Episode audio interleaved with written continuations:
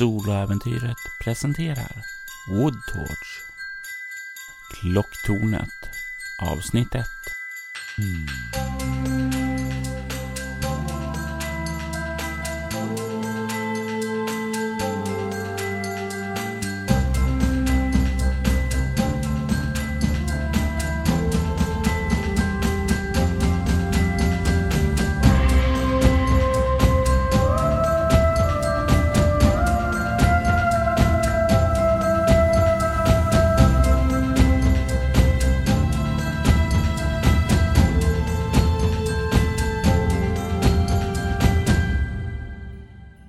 Utanför Detroit 2011. Världen är fylld av galenskap, galenskap och hysteri. Människor som är villiga att tro på vad som helst. Tro på en bra historia. Antingen för att skrämma andra eller kanske skrämma sig själv. Världen är inte längre en rationell plats. Men det finns fortfarande de som håller sanningen nära sitt hjärta. De som bekämpar galenskapen och hysterin som går genom folks sinnen. Det finns de som kämpar för att avslöja skrönor och myter om övernaturligheter. En av dessa förkämpare är Maria Perez och det är hennes lägenhet en tidig morgon på våren som vi börjar. Vem är Maria Perez, Anna? Maria Perez är en eh, före detta lärare som nu har ägnat sitt liv åt att försöka avslöja de här myterna och skrönorna. Hon har ju sett alldeles för många elever som har eh, lurats på pengar och annat och rationellt tankesätt och lurats iväg och bara utnyttjas. Så att hon har slutat som lärare och börjat först på egen hand utforska och eh, avslöja dessa hycklare och lurendrejare. Och har på sistone blivit upptagen i ett särskilt sällskap som just jobbar med detta. The Society of Metaphysical Research ett akademiskt sällskap som hon stötte på under första gången under sin tid som lärare. Hon har blivit anställd av dem för att hon har ett kall, liksom många av dem. Ett kall att rädda folk från den okunskap, den irrationella tron att tro på vad som helst. Det är hemma i hennes lägenhet en tidig morgon som det ringer i telefon hon kan se att det är numret från hennes chef Ezra Crane. Jag har precis borstat igenom det långa håret, flätat upp det och snurrat in det i en krans bakom huvudet. Och lyfter luren och säger Perez? God morgon, eh, Miss Perez. Det är Mr Crane här. God morgon, Crane. Jag har ett uppdrag åt dig. Det har kommit till vår kännedom om en ökande oroshärd i en liten eh, stad i Minnesota som heter Woodtorch. Det var för fem år sedan en ganska stor hemsk incident där. Många som dog, eller jag ska säga inte dog, de mördades. Det var en hemsk massmördare där som aldrig fångades, vilket jag tror är en del till varför det har börjat spridas så många skrönor där. En av skrönorna har börjat plocka upp lite oh, lite för mycket eh, internetrykte jag tänker att det här kan vara någonting som kommer att växa ganska fort här om inte vi är ute proaktivt och eh, ser till att finner en logisk, rationell förklaring till det här. Och jag tänkte, vem annars än du vore bra att skicka och undersöka det här? Skulle det vara möjligt eller är du inbokad på några andra uppdrag? Det här uppdraget låter perfekt för mig. Det ska bli skönt att eh, lämna stan och åka iväg och slå ner det här eh, orosmomentet. Den här skrönan som kommer växa som bara kommer få folk att, att bli allt mer galna och irrationella i området. Vi måste lugna staden så att vi kan, vi kan rädda dem. Jag tar jättegärna uppdraget. Utmärkt, utmärkt. Det gör mig lugn att höra. Eh, Woodtorch eh, var en gång en liten men rätt så levande stad där. Det var låg en forskningsanläggning där utanför som eh, Alpha 1 och Mega Industries eh, hade där. Jag vet, eh, de hade någon form av gruvbrytning där. Det var även eh, mestadels av befolkningen där var också så här skiftarbetare till eh, företaget. Det fanns en del invånare som givetvis bodde där och skötte infrastrukturen och sådant.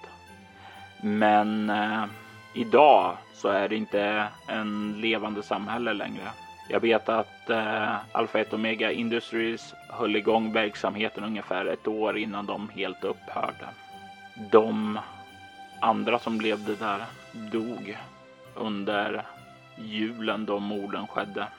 Det rykte som sprider sig nu är att det i stadens klocktorn finns ett spöke som kan höras gråtande där om nätterna.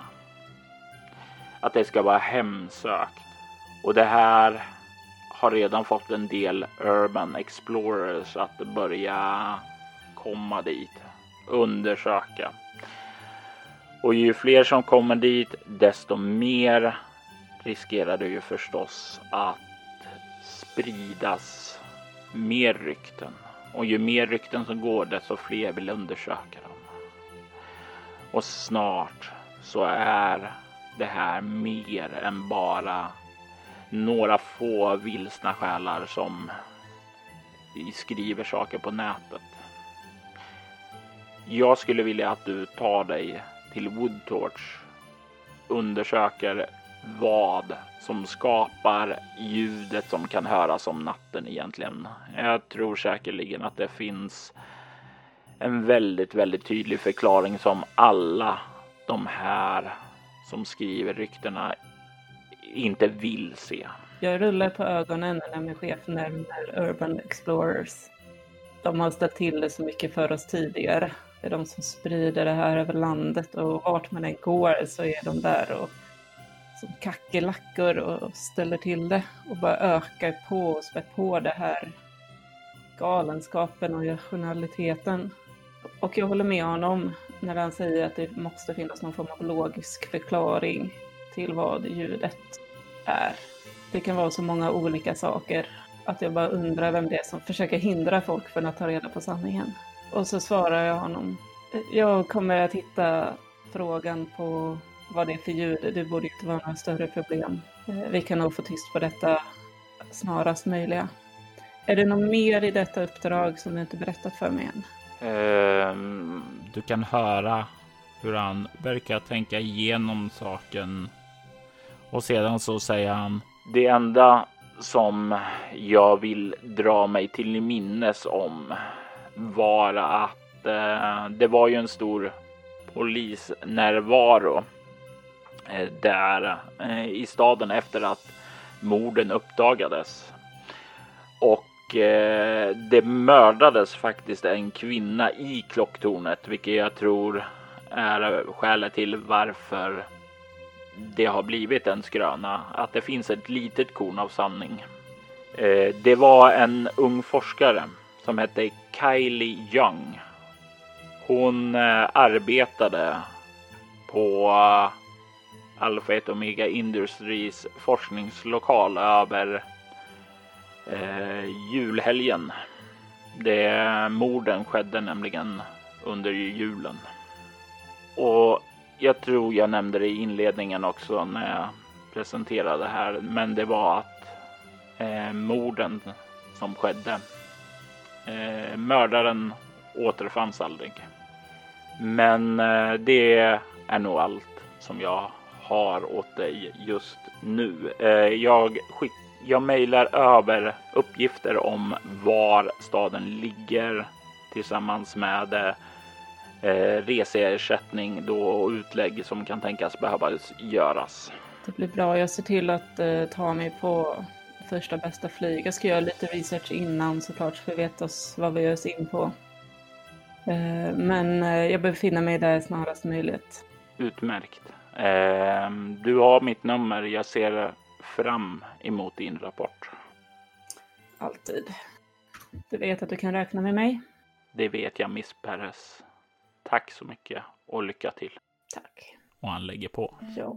Hur ser din lägenhet ut? Var bor du någonstans? Eh, vad, vad kan vi lära om Miss Perez genom att se omgivningen där hon spenderar sin vardag i? Min lägenhet ligger i en förort till Denver. Själva området i sig är ganska shabby, men jag trivs här. Det känns som hemma. Jag vill vara med de riktiga människorna, inte de som utnyttjar folk. Själva lägenheten i sig är ganska rörig. Det finns ganska bra ordning på det praktiska, disk och städning och sånt. Men överallt så ligger det lappar och papper och post-it-lappar med, med olika färger och symboler och eh, trådar som går emellan dem. Det mest överbelamrade området i hennes lägenhet är helt klart hennes kontor och särskilt hennes skrivbord. Hon har en eh, stationär dator som står uppställd inkopplad med eh, sin laptop bredvid och överallt på den ytan så ligger det högar med tidningsartiklar utklippta, anteckningar som är snabbt nedskrivna, olika post-it-lappar i olika färger med streck ritade emellan sig. Man har två stycken eh, anslagstavlor med eh, allt möjligt uppsatt från tidigare uppdrag. Eh, och på den andra väggen så hänger det utklipp från olika tackbrev och foton på dem som hon har hjälpt tidigare. Det kanske till och med om det funnits någon tidningsartiklar eller så i lokaltidningen när hon har avslöjat olika mystiska onödiga verksamheter. Jag kan tänka mig det definitivt har skrivits om dig en hel del här i lokala tidningar så att du är lite grann känd som den man kontaktar när det behövs avslöjas något. Jag tänker mig också att du har blivit lite grann så här konsulterad som expert här i lokalpressen. Och en av mina väggar är verkligen fylld av beundran för mig själv. Eller memoralia för de sakerna som jag har lyckats göra bra. för de människorna jag har hjälpt, beroende på hur man ser det. Det första jag gör när jag lägger på luren är att jag ber mig in i mitt kontor. Jag skuffar undan en pappershög som ligger på datorn och eh, sätter mig ner för att göra första delen av researchen. Försöka ta reda på vad det är för ställe jag ska ta mig till. Vad är det du vill veta? Uh, delvis är det vad, vad var det för forskning som Alfa 1 Omega höll på med? Vi kan börja med att tala om en åt gången där mm. så att jag kommer ihåg alla. Ja. Du kan börja med att slå ett lätt slag med ego naturvetenskap. Jag fick uh, fem på tärningen, fem i ego och ett i naturvetenskap så jag lyckas. När du börjar undersöka vad som har hänt där så hittar du ett par saker. För det första så verkade de ha någon typ av gruvbrytning där kring något som kallades för monoatomiska mineraler. Och det här är någonting som du har dykt upp tidigare. Det är new age kretsar som brukar tala om att vissa mineraler har särskilda egenskaper som kan förhöja intellekt, minne, styrka. Det är nästan till magiska egenskaper de har. Varför en välrespekterad företag som Alpha 1 Omega Industry, som är en av världens ledande läkemedelstillverkare, skulle intressera sig för det Det är ju fullständigt ja, ologiskt. Det måste ju finnas någonting annat där som de inte officiellt har sagt utåt. Då. Det skedde även en annan sak där under den här julen då morden skedde. Och det här dyker också upp när du googlar på företagets verksamhet där. På deras eh, mark så slog det ned en komet. Mm. Eh, och eh, det eh, exakt vad som hände där med det. Det är oklart. Eh, företaget var ovilligt att släppa in polis och sådant på området där de var väldigt hemlighetsfulla med det. Okej, okay, så den kometen slogs ner under tiden som de hade sin verksamhet där? Jajamensan. Och det var för fem år sedan då. Samtidigt faktiskt som de här morden skedde i stan. Efter morden och kometen hade slagit ned eh, så hade de kvar verksamheten i ett år. Lagom till julen året efter hade de slagit igen det. Och det var ju då som det sista i staden eh, också slog igen. För det var inte många som ville flytta till en stad där det hade skett så många mord. Fick man någon anledning till varför de stängde ner? Den officiella anledningen var att eh, brytningen av de monoatomiska mineralerna hade, ja, det var slut. Det fanns inget mer att bryta där. Och sen så vill jag ju ha reda på mer om just Kayleys arbete och Kaylee som person. Du kan förslå ett eh, lätt slag med ego humaniora eller ego samhällsvetenskap. Humaniora är liksom mer att kolla kanske hennes akademiska utbildningar och sådant. Eh, lite mer den typen av information som du kommer att få fram. Eh, om du väljer samhällskap så får du väl lite mer de här officiella registren och, och sådant. Så lite mer det officiella eller mer det informella. Jag vill ju hellre ha det informella. Det officiella är väl antagligen jag vet inte. Jag vill ha både och. Um, men uh, jag vill uh, först veta vad de, de officiella papperna säger om henne i alla fall. Mm, du kommer ju få ut lite information eh, från båda där, eh, oavsett vilket du väljer där. Eh, jag ville bara veta vilket, för det avgör var den mesta informationen du kommer få från respektive fält. Så det är lite mer jag vill mer ha hennes koppling till Alfa ett Omega och hennes arbete där. Då skulle jag säga att det är ett samhällsvetenskap då. Precis. Eh, och jag eh, lyckas, jag får 13. Jag har ju samhällsvetenskap. Jag var ju gammal samhällsvetenskapslärare, så det är lite av min specialitet. Du får fram att eh, hon eh, hade ingen hög ställning alls. Hon var nyanställd hon hade nyligen gått ut sin utbildning och det här var hennes första år. Och det var också anledningen till att hon var där.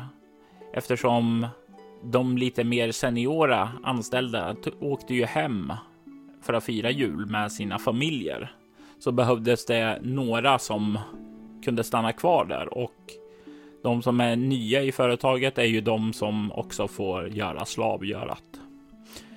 Hon verkar ha varit någon typ av analytiker och arbetat åt en man som heter Mr Blue.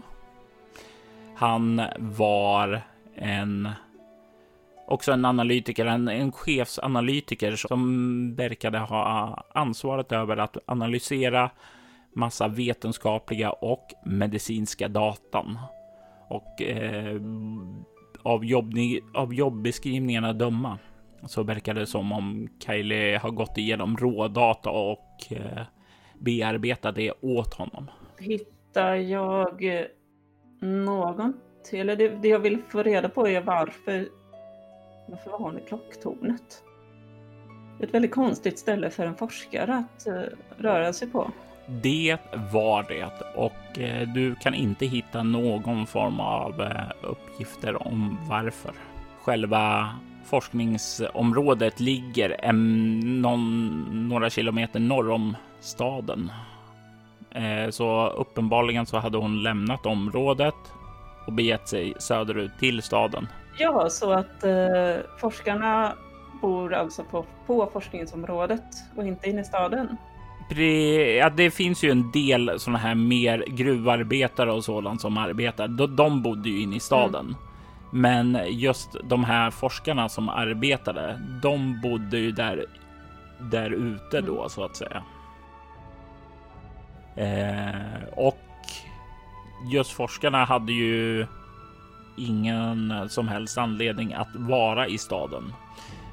Gruvarbetarna hade ju åkt hem över eh, själva julen däremot, men de skulle kunna haft det. Ja, verkligt. Och sen så är det ju då vilka, det här klocktornet. När, när byggdes det? Egentligen så vill jag höra lite så tekniskt om det finns något mekaniskt i klocktornet som kan göra ett sånt här gnisslande ljud när det rostar eller så. Så försöka ta reda på lite om klocktornets faktiska uppbyggnad. Slå ett eh, lätt slag med egomekanik. Mekanik har jag inte. Då får du minus två på slaget. Nej, jag får eh, fem. Du får inte riktigt eh, någon information om själva klocktornet eller sådant annat än det rent historiska. Så att eh, det, det verkar vara lite grann efterlikna eh, Big Ben i utseende och den är byggd vid stadens eh, centrala torg. Mm. Den verkar också byggd 1957. Den hade ju sådana här kyrkklockor som kunde ringa ut och verkligen så här ljuda som kyrkklockor gör ibland. Eh, och på ett ganska långt avstånd och den brukar väl användas när det var rådsmöten som eller eh, liknande där man ville samla befolkningen till själva torget. Det är vad du får fram. Det sista jag, det jag vill få reda på är lite så här, vilka kan det finnas som skulle vinna på att dra dit flera turister till staden på, på den här skrönan? Och varför har det, har det kommit någon organisation dit nu? Det är ändå fem år sedan detta hände. Eh, så. Eh, du kan ju slå ett ego humaniora. Lätt slag. Yes. 13. Det är svårt att säga på rak hand. Det finns inga sådana här uppenbara kandidater. Alltså. Det är inte så att de fått en ny borgmästare eller något sånt liksom. Staden är ju helt öde. Det är ju en spökstad. Okay. Ingen bor där längre. Eh, så det skulle ju vara eh, det mest troliga är väl att ja, det är ju folk som äger marker och sådant där som de försöker sälja och inte kan bli av med. Mm. Det är väl det första som slår dig att det skulle i så. Det mest troliga är väl att någon försöker få upp markpriserna på något sätt eh, eftersom ingen verkar bo där. Ja, men kanske en skröna kan göra det mer attraktivt på något sätt. Eller så kan det vara att sänka priserna ännu mer och göra en större uppköpning. Det skulle ju också kunna fungera. Det finns väl eh, två andra faktorer här som du inte riktigt kanske kan känna passa in, men som kanske bara kan vara värt att ha i åtanke. Dels så företaget Alpha 1 Omega Industries äger ju fortfarande anläggningen och så norr om själva staden. Eh, även om de inte har någon verksamhet där så Kanske det kan spela in på något sätt. Och sen så fanns det ju en mördare i trakten som mördade så många personer under den här julen för fem år sedan som aldrig fångades. Ja, den här mördaren. Eh, det är väl det sista att försöka ta reda på mer om vilka som mördades och om man vet något om mördaren. Slå ett lätt slag med ego samhällsvetenskap. Ja, jag autolyckas, men jag slår en sexa också. Eh, men du kommer inte upp i 20? Nej, jag får, vad är 5 plus 5 plus 6? 16. Vad du får fram är ju att eh, polisen kom dit, började försöka finna en mördare, fann väldigt mycket döda kroppar, men inga direkta spår. Du vet att det också var en uh, Fate-agent på plats som hette Sarah Ford, en tidigare skådespelare som hade bytt karriär, som bistod i utredningarna. Och Fate är ett sådant eh, namn som har dykt upp hos dig tidigare i dina utredningar. De verkar bistå polisen när det är väldigt grova fall eller fall som kan eh, kopplas till rituella inslag och den typen av, ja, vad folk hävdar är övernaturligt. Alltså de, det är en sån här, det är därför de har dykt upp i dina utredningar där.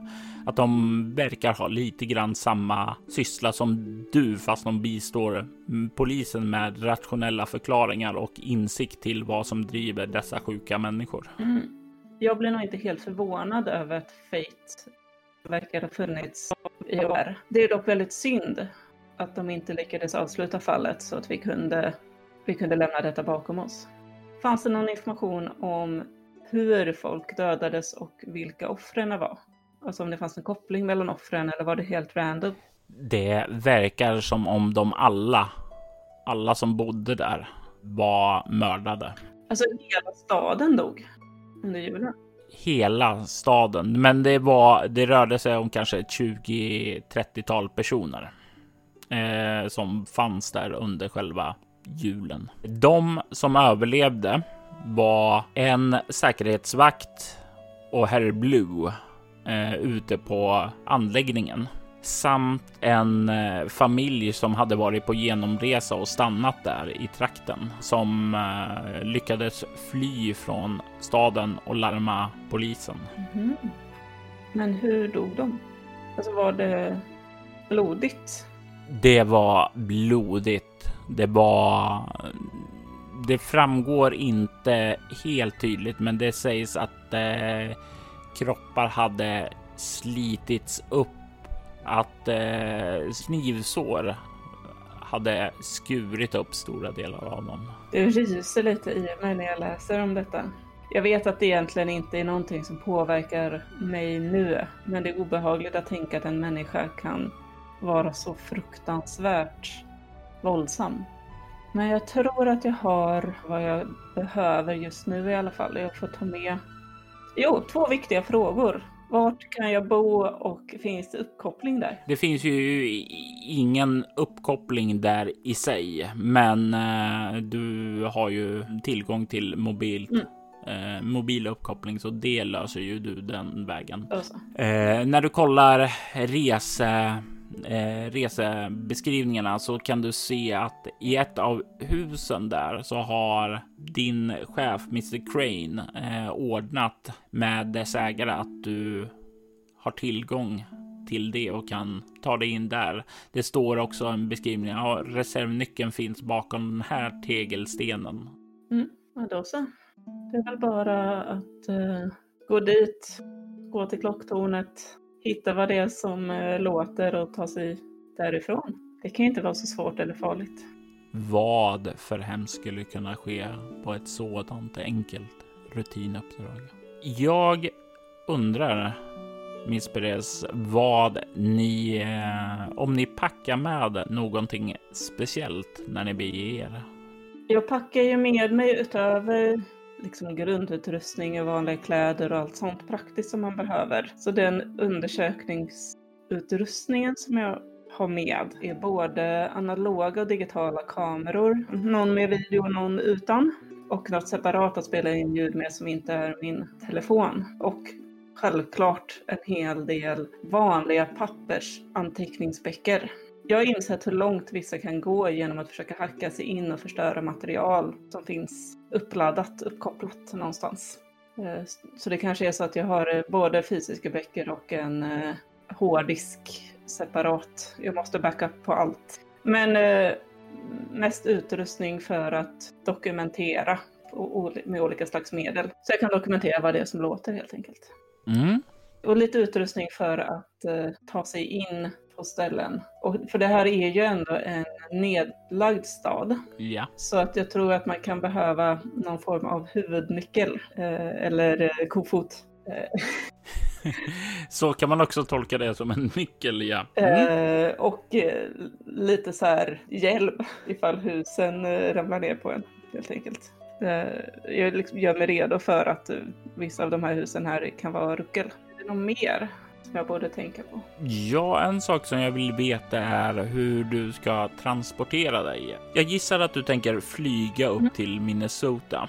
Precis. Eh, men hur tar du dig eh, därifrån vidare? När jag kollar på ditt karaktärsblad så ser jag att du inte har något värde i fordon. Jaha, jag tänkte att, att värde i fordon betydde att man kunde liksom köra speciellt. Ja, Så att det liksom vanlig... Jag kan köra automat. Mm. Jag kanske inte kan använda fordon för att fly. Eh, Men... eh, Eller då är jag inte så bra på det när det väl gäller. Men jag tänker ändå att det är liksom baskörning. ja, att köra med automat och bara köra. Det, det känns eh, helt rimligt. Mm. Eh, men om det blir biljakter, då sitter du i skiten med andra ord. Precis. För jag är ju en storstadsbo i vanliga fall så jag är ganska van att ta mig runt med andra medel. Ja, du har gjort dina förberedelser. Du har packat ihop och du har skrivit ut flygbiljetten. Du kollar en sista gång över ditt hem, dina ögon.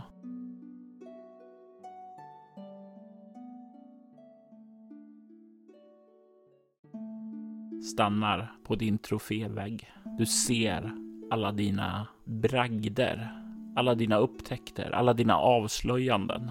Det får dig att mm, känna dig stark, viktig, hyllad. Detta uppdrag kommer också att sitta här sen. Ännu ett avslöjande, ännu ett erkännande. Du vänder dig om, plockar upp dina väskor och börjar bege dig iväg till flygplatsen. Woodtorch Klocktornet avsnitt 1 var ett scenario skapat, spelet och redigerat av Robert Jonsson. Spelare i detta avsnitt var Anna Sandberg som Maria Perez. Temamusiken till detta avsnitt gjordes av Marcus Lindner som du hittar på Bandcamp som en bit.